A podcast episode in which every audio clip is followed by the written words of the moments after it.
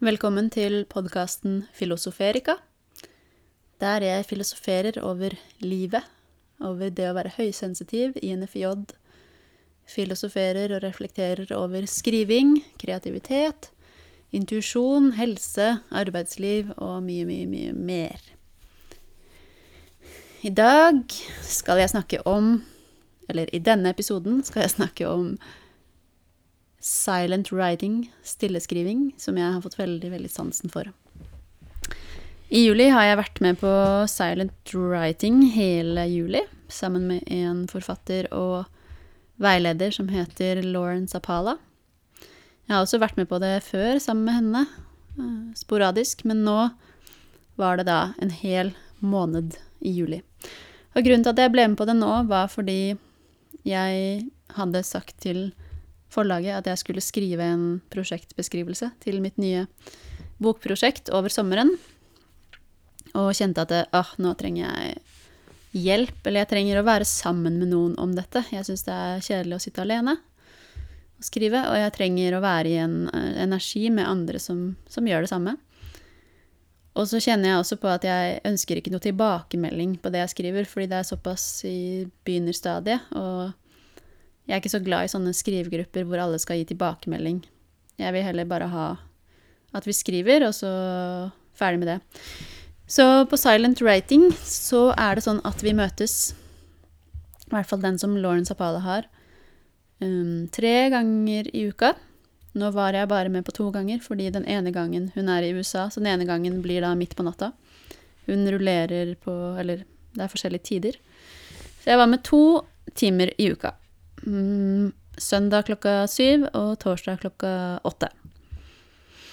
Og jeg skrev ikke noe sånn spesielt i de timene. Jeg skrev ikke noe som jeg tror kommer til å være med videre. Jeg skrev ikke noe på prosjektbeskrivelsen. Jeg bare møtte opp, og så satt jeg der.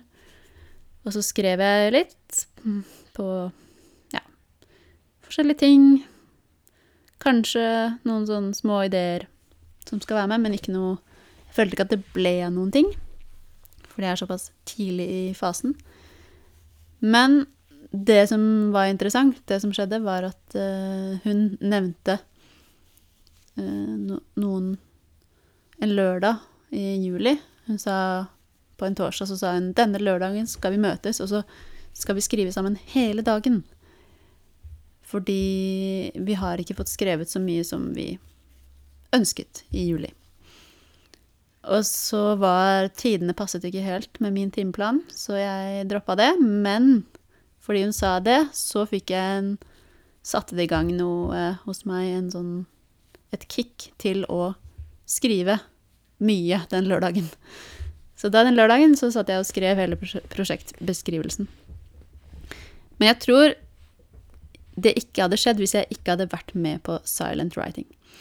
Så sånn det fungerer, er at vi bare møtes eh, to eller tre timer i uka. Først har hun en meditasjon, og så, og så er vi på Zoom, da. Det glemte jeg å si. Vi er på Zoom. Og du kan selvfølgelig ha kameraet ditt av. Det er en sånn introvert, eh, sensitiv greie. At eh, vi liker ikke å ha kamera på nødvendigvis. Det har jeg faktisk reagert på litt i kurs vi har vært med på før, hvor vi måtte ha kameraene på. Syns jeg ingenting om. Så her kan man ha kameraet av, og så sitte for seg selv og skrive. Det er en helt perfekt sånn introvert aktivitet, men likevel være sammen med andre. Så da er det en meditasjon først, og så skriver du en time. Og så bare Når timen er over, så sier vi ha det, og så er det ferdig. Så det er egentlig ikke så mye mer hokus pokus enn det. Fordi, men det som jeg er litt av poenget mitt med å si det her, er at mange har en idé om at ja, hvis jeg skal skrive, så må det være hard jobbing, jeg må skrive masse hver dag, og jeg må virkelig slite meg ut. Men jeg har fått et helt annet syn på det etter at jeg ble kjent med, eller oppdaget hun Lauren Zapala som uh, sier det at hun skrev sin første bok ved å møte opp én gang i uka, én time, på sånn silent writing. Hun skrev den boka på et år. Og så sånn skrev de andre to romanene sine også. Bare én gang i uka møte opp og skrive i stillhet sammen med andre. Og da ble jeg sånn Hm. Ja. Fordi det er så lett å legge så mye press på seg selv og si at ja, enten så, enten så er det alt eller ingenting. Men da er det mye bedre å si jeg skal prøve å skrive én time i uka, eller to timer i uka, og se om det funker. Og hvis det funker, og man har lyst til å skrive mer, så gjør det, men ikke la det bli sånn Ikke legge så mye press på seg selv, og ikke For det handler vel om den derre perfeksjonismen at ja, hvis jeg ikke klarer det, nei, men da bare gir jeg opp. Ikke sant? Den derre veldig strengheten mot seg selv.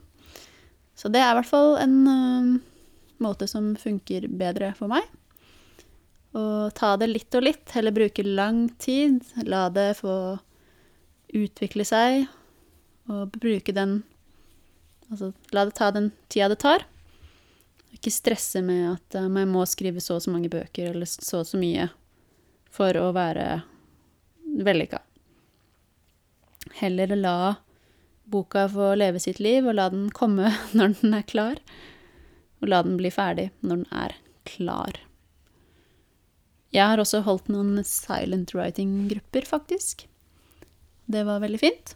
Så hvis du er interessert i det, så kan vi gjerne møtes og skrive sammen i stillhet på Zoom. Det er bare å si fra.